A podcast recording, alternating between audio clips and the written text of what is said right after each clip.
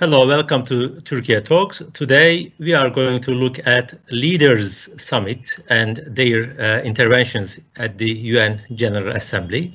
And of course, specifically, we will be looking at President Erdogan's speech and his address at the General Assembly, the, the topics he covered and the proposals he made at the uh, New York meeting. Uh, Kadir, you were there, and I think you have followed uh, from beginning to the end uh, most of the meetings. Can you please tell us, first of all, uh, what were the main issues uh, that were covered at this year's uh, General Assembly meeting at the UN?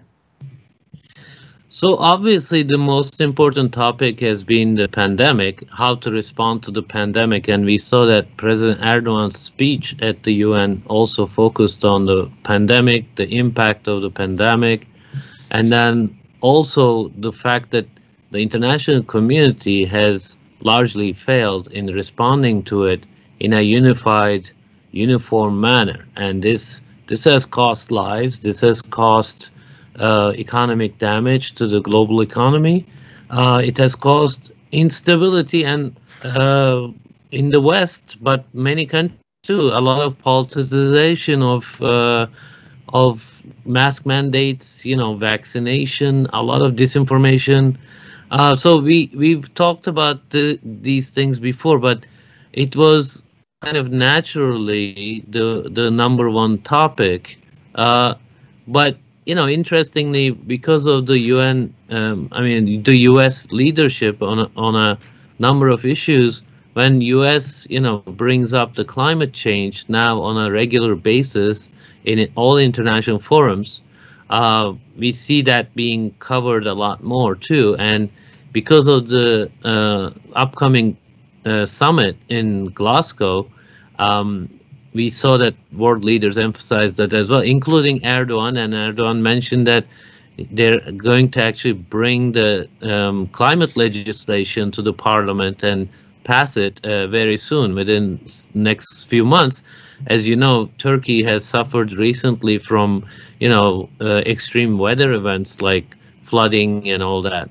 Um, but of course, for Turkey specifically, the the inauguration of the building, uh, the 36-story skyscraper, which is called Türk Evi, Turkish house, that was really the kind of main focus besides the UN, and that was a big thing for Turkey. It was a you know, Turkey wanted to show its commitment to the international community, the multilateralism, and the fact that this building is right across from the United Nations in New York City, uh, it says a lot uh, to Turkey's commitment in in the international arena, and the you know construction of that building took a took a long time and a lot of money, obviously, but um, Turkey is making a big statement with that.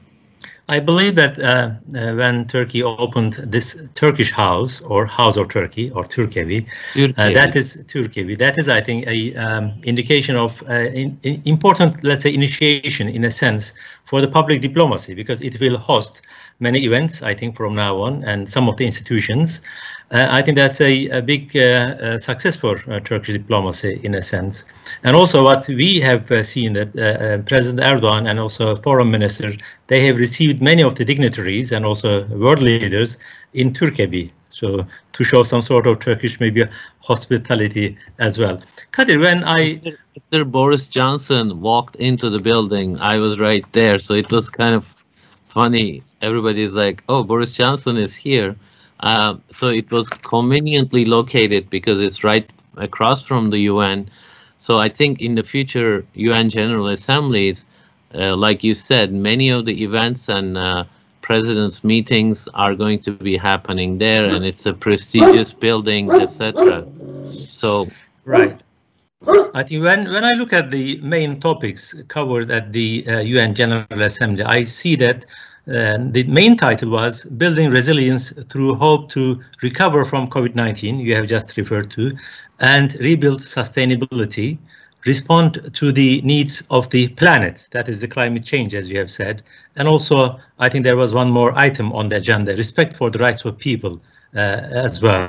And one more topic, as I have seen in the list, at least that is the official statement by the UN, was revitalize the UN. This is something also maybe we need to talk towards the end. But uh, let me also add a few things on the COVID-19 issue and uh, what uh, sort of importance Turkey attaches to this. When I look at the statement by President Erdogan, I think he uh, looked at it from a global perspective. He did not mention the numbers, but I think when we look at the numbers, that is an alarming issue for the whole world. And he emphasized that no one country on its own can handle. And I look at the numbers today.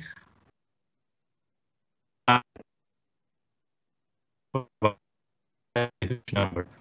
220 million people. Uh, there are 220 million worldwide. So you can see the severity and uh, you know the enormity of the problem. And Erdogan emphasized, I think, uh, one major issue with regard to the international system as well. You know, he uh, makes uh, lots of references to the international system in regard to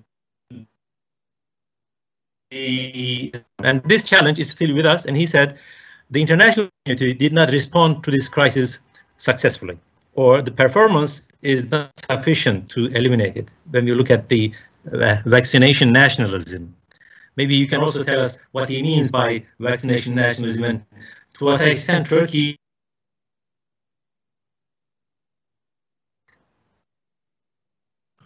Thank you, Hojam. Uh, yes, uh, I also forgot to mention, which is something very important. Erdogan just launched his uh, latest book in English. It's titled "World is Possible," and he actually thinks out. I think um, he actually, President Erdogan mentioned that Turks were also working on Turkovac. Uh, hopeful, they're hoping within months that will be, uh, you know, out there being able to sort of uh, be used. Um, and he promised to open it to the world, you know. So, um, so it is important that Turkey is emphasizing consistently multilateralism and openness uh, of the you know international system, especially to the less privileged and the poorer nations, uh, because without you know addressing the inequities in the international system, we won't get anywhere with pandemic or climate change or any other issue. So um, it was interesting this consistent theme uh, throughout his book, his address at the inauguration ceremony of the Turkevi, but also his address to the UN, United Nations. I'm actually curious because we were there, you know, kind of, it was very hectic, very, you know, crowded and very busy schedule, lots of meetings and back and forth.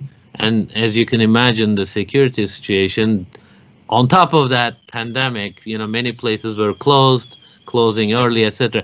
But I, I'm curious how you think the the how it was seen from Turkey and by the international community? Uh, when we look at the uh, Erdogan's visit and the general, I think, uh, assembly meetings, uh, there was a lot of expectations, uh, of course, again from the United Nations, and also I think uh, Turkish public opinion is very much interested in the world affairs, not only the Turkish politics, but also what's going on globally. It is because of the Erdogan's leadership what we, I think, see in the last two decades, especially the absence of leadership in the world. Uh, if you look at the EU, you know, there is only one single Merkel. Now he, she is going to quit. Uh, but if we look at globally speaking, uh, there is uh, an absence of leadership. During the Trump administration, we have seen that multilateralism has been damaged a lot, and we have seen rise of different uh, alternatives or countries. I think in such circumstances, uh, and also during the Arab revolutions, we have seen that Erdogan's standing, Erdogan's posture in the Middle East and uh, beyond the Middle East became more prominent a, a decade ago. Things have changed on the ground.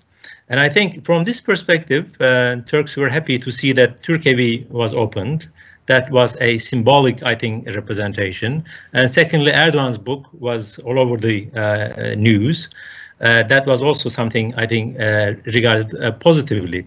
But I think uh, as far as his leadership is concerned, one should also look at Turkey's humanitarian, I think, uh, activities all around the world. You know, in addition to what he said in his speech with regard to the COVID-19, Turkey sent uh, medical equipment to 159 countries. I think this is beyond the imagination of many other nation states. Even the United States you know China or uh, other big economies in Europe they haven't done it I mean they were uh, they were more inward looking during this process. I think Erdogan uh, raised that issue. Secondly, when you look at Turkey's humanitarian um, aids in the last decades, you will also see, uh, Kadir, it is by numbers actually, Turkey spends more than any other country in the world, uh, according to uh, many reports.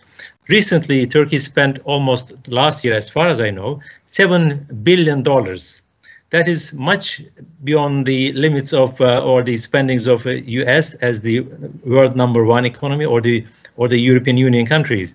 You can see that Turkey really committed itself to uh, peace, stability uh, all around the world. I think that is uh, reflected also in his speech during the uh, General Assembly meeting.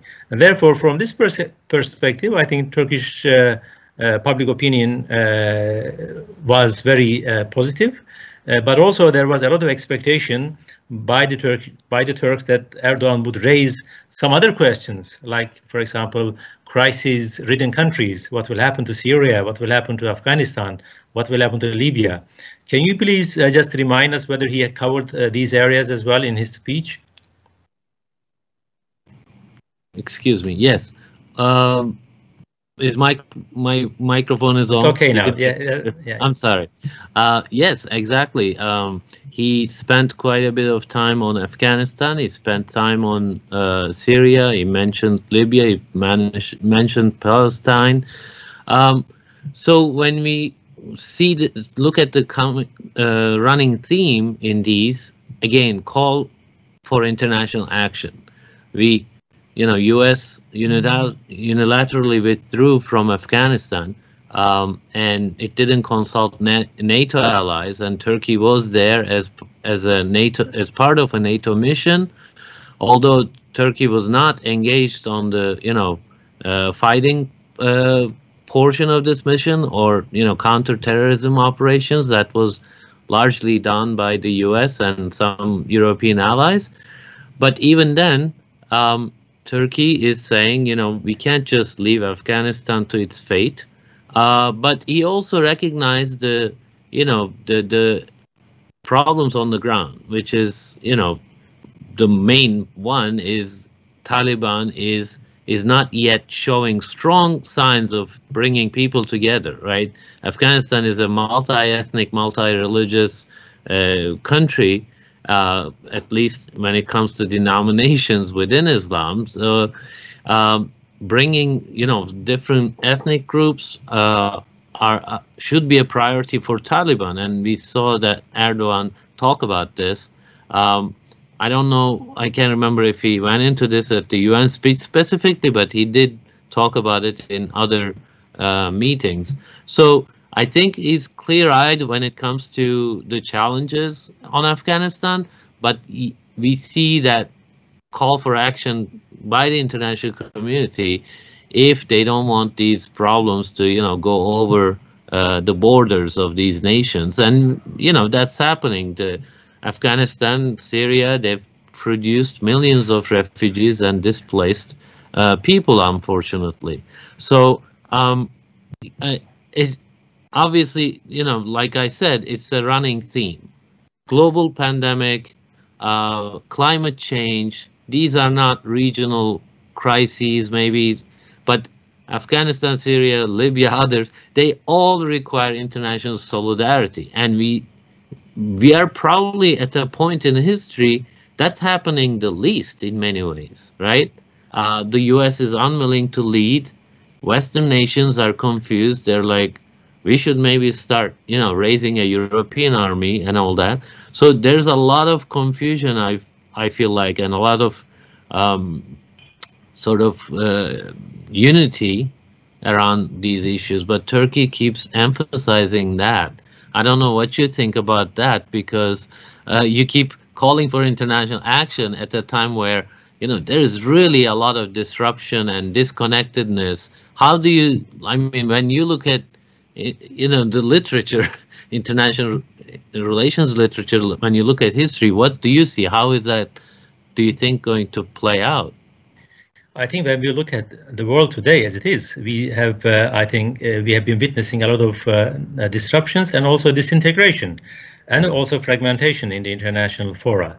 And therefore, uh, I think uh, it is important that the leaders of the world should make such calls of unity, cooperation, and solidarity, because as you have said, one problem in a country is not the problem of that country only.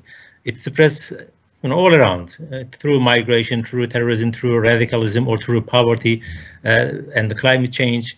These are all interconnected issues. And uh, uh you would maybe remember that uh, German sociologist Ulrich Beck talked about risk society when he was looking at the German context or some of the European nation states. But later on, when he looked all around the world, he changed his mind and he talks about global risk society. Now we are actually living in a globally uh, risk society. Therefore, anything that happens in Syria now is influencing the whole Europe today. Anything that happens in Afghanistan will have some repercussions for other countries as well. I think Erdogan uh, underlines this fact all the time. And also, two issues are uh, very much discussed in Turkey when it comes to Afghanistan. One is, you know, the, the uh, migration risk, refugee risk, and of course, secondly, what will happen to uh, people on the ground? Uh, yes, of course, Taliban is there at the moment, but also we see that the poverty is on the door. And uh, uh there are a lot of discussion on uh, the identity of Taliban, whether Taliban will have an inclusive government. We have seen that it was not the case. I think these are all uh, important issues that you know, not only Turkish people, but also I think the nations all around the world are uh, thinking about it. But Erdogan has, I think, underlined the fact that people of Afghanistan should not be left on their own. It's been 40 years that they have uh, been, uh, you know, exposed to conflicts, wars, uh, a lot of, uh, you know, uh, problems and catastrophic events. But he said that Turkey will stand by the people of Afghanistan. That's why Turkish embassy is open now. It is functioning, and Turkish civil society organizations are ready to help.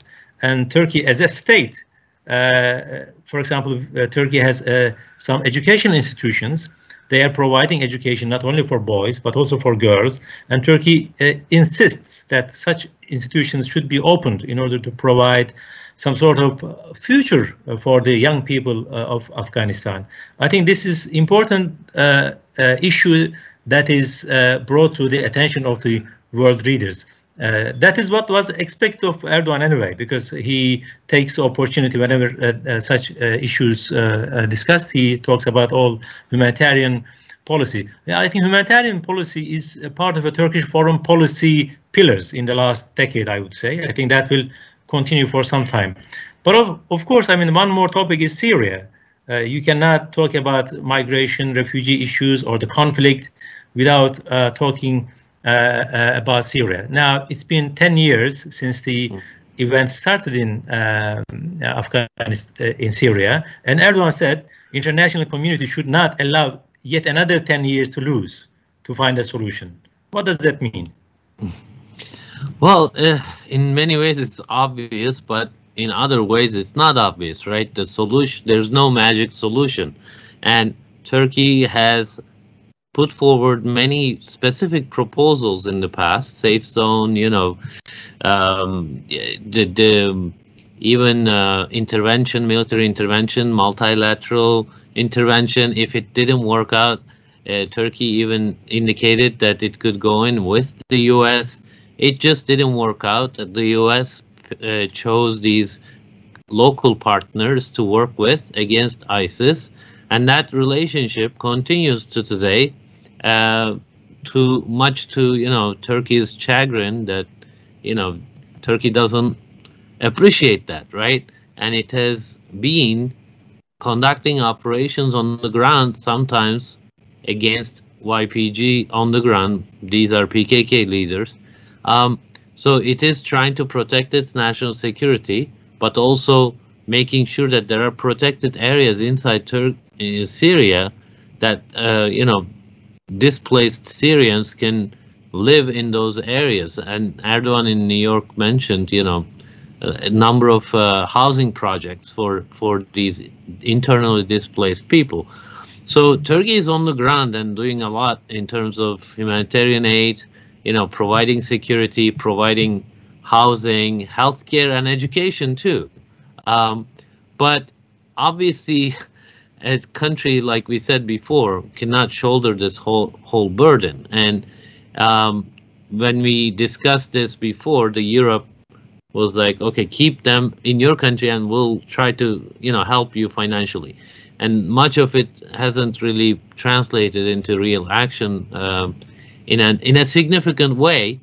Um, but you you need much more than that. Basically, it's not enough to like you know uh, do these piecemeal deals.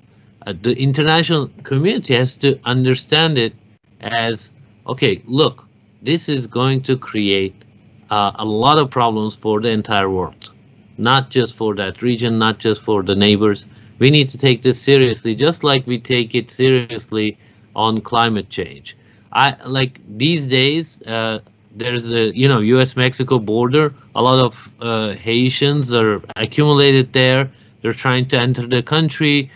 Um, you know, there's a lot of problems right at Turk uh, U.S. border itself.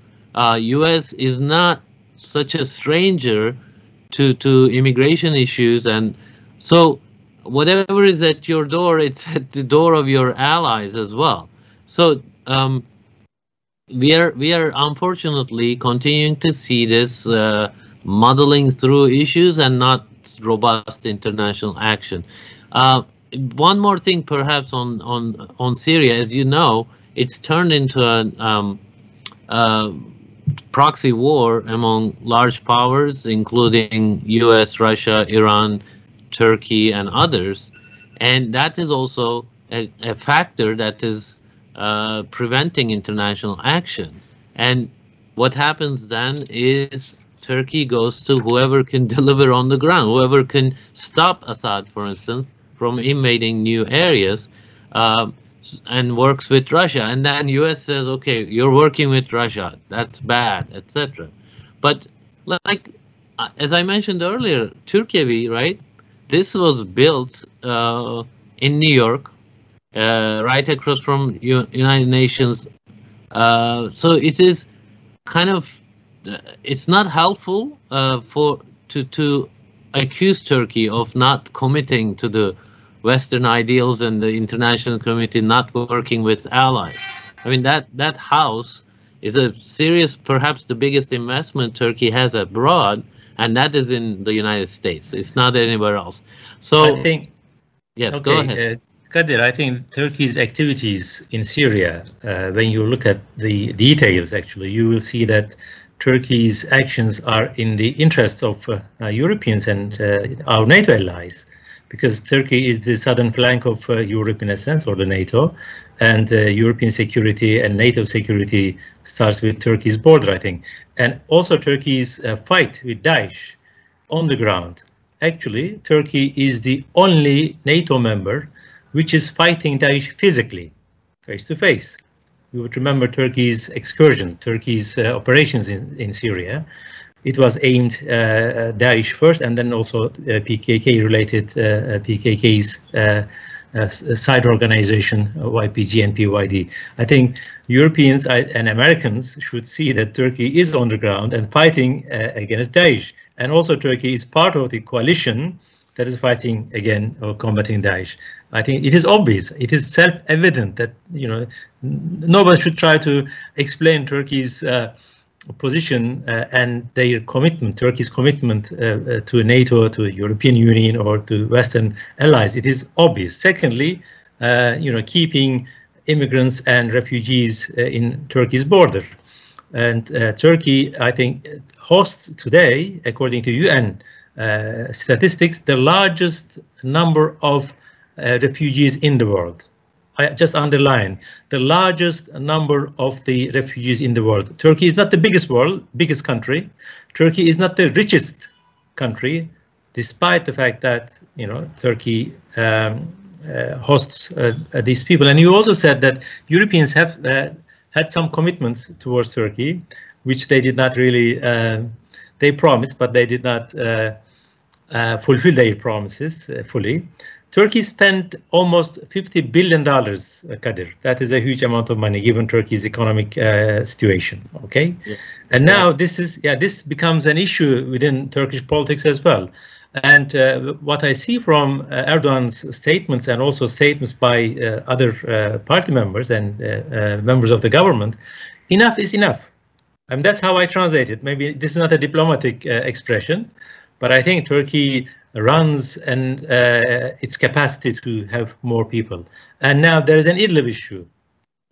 What is the situation in Idlib? I think you were going to maybe talk about Idlib. Just let me remind you Idlib and what happens if the fragile uh, uh, stability is uh, broken down. Yeah, I, I, mean that's a dire scenario, and that could produce again a couple million more displaced people, refugees, pushed towards Turkish border, and Turkey will probably intervene more, and it could endanger Turkish troops and uh, have them come face to face with you know Assad forces which is I mean current which is the current reality anyway. But uh, I actually wanted to when you talked about Europe, I wanted to kind of uh, benefit uh, from your um, experience in Europe. When you talked about these issues with your European countries, you were an MP. You spent a lot of time trying to talk to your European colleagues and friends, and you know, um, you know, allied nations what were their reactions? Because what were they saying about Syria? Because you know, Europeans are have been at least very committed, at least rhetorically, to multilateral action. They, you know, the UN. They really care about the UN. And this year, I don't think you know the French president was here. Uh, of course, due to pandemic conditions, perhaps. But despite that, Erdogan made the effort to come out here. Uh, so how do you see that when, how do they reconcile that, right? Uh, so I wanted to know more if you have any personal stories that would be interesting actually. You know, when we talk about Syria, we are talking about war. We are talking about violation of human rights, basic human rights. And these are some of the issues that European Union and Europeans in general, they have committed to protect human rights, you know, uh, fight against uh, authoritarianism, etc. And I have come across many politicians, many people in the governments uh, at many uh, European countries. They uh, praise Turkey. Yes, Turkey has been doing, uh, you know, a lot of uh, good things, uh, hosting immigrants and refugees, and they are securing the area. But they do not want to commit themselves in Syria at all. I mean, there is that sort of um, contradiction within the European uh, Union and European countries. On the rhetorical level, as you have said, yes, they are uh, supporting Turkey, they are supporting uh, human rights um, activities and also humanitarian activities on the ground. But when it comes to taking action, for example, putting more pressure on the Syrian government in the international fora, this is something that is missing. And also when it comes to uh, supporting, for example, opposition groups within Syria, again, Europeans are not there either. Okay, that's fair enough. They say uh, because Syria is, Syria is far away from us, and we try to justify Turkey's interventions because the threat comes to Turkey, first of all.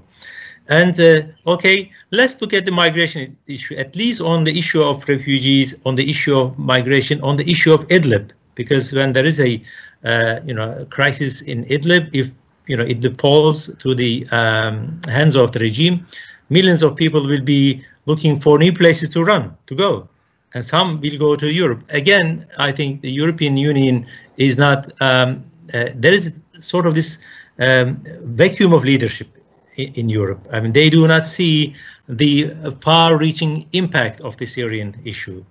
Uh, and of course, we have seen a lot of uh, populist ideas and populist parties, they are much more inward looking rather than uh, uh, outward looking as the uh, uh, previous and former European leaders. And now they are talking about having a European army, as you have just said, and but they are also talking about you know having Turkey within this structure because Turkey is the second largest and biggest military within NATO, and it has a lot of experience. Now today, Turkey has peace-keeping um, missions in many countries uh, as well, as you know.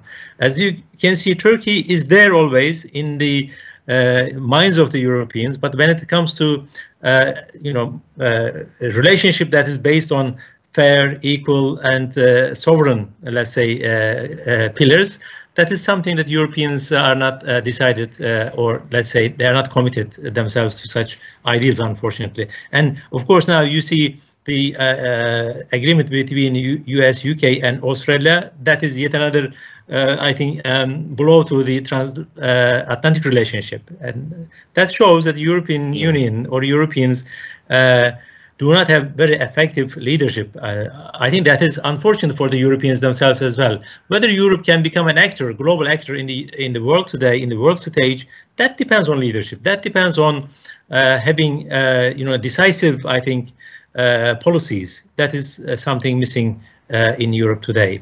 Kadir, we have got a very short time. If you would like to I, conclude in one or two minutes, I, I'll appreciate that. Uh, thank you, Professor Küçükcan. I, I, I think we should talk about that uh, Australia, England, US deal. It's called awkwardly AUKUS, right? AUKUS.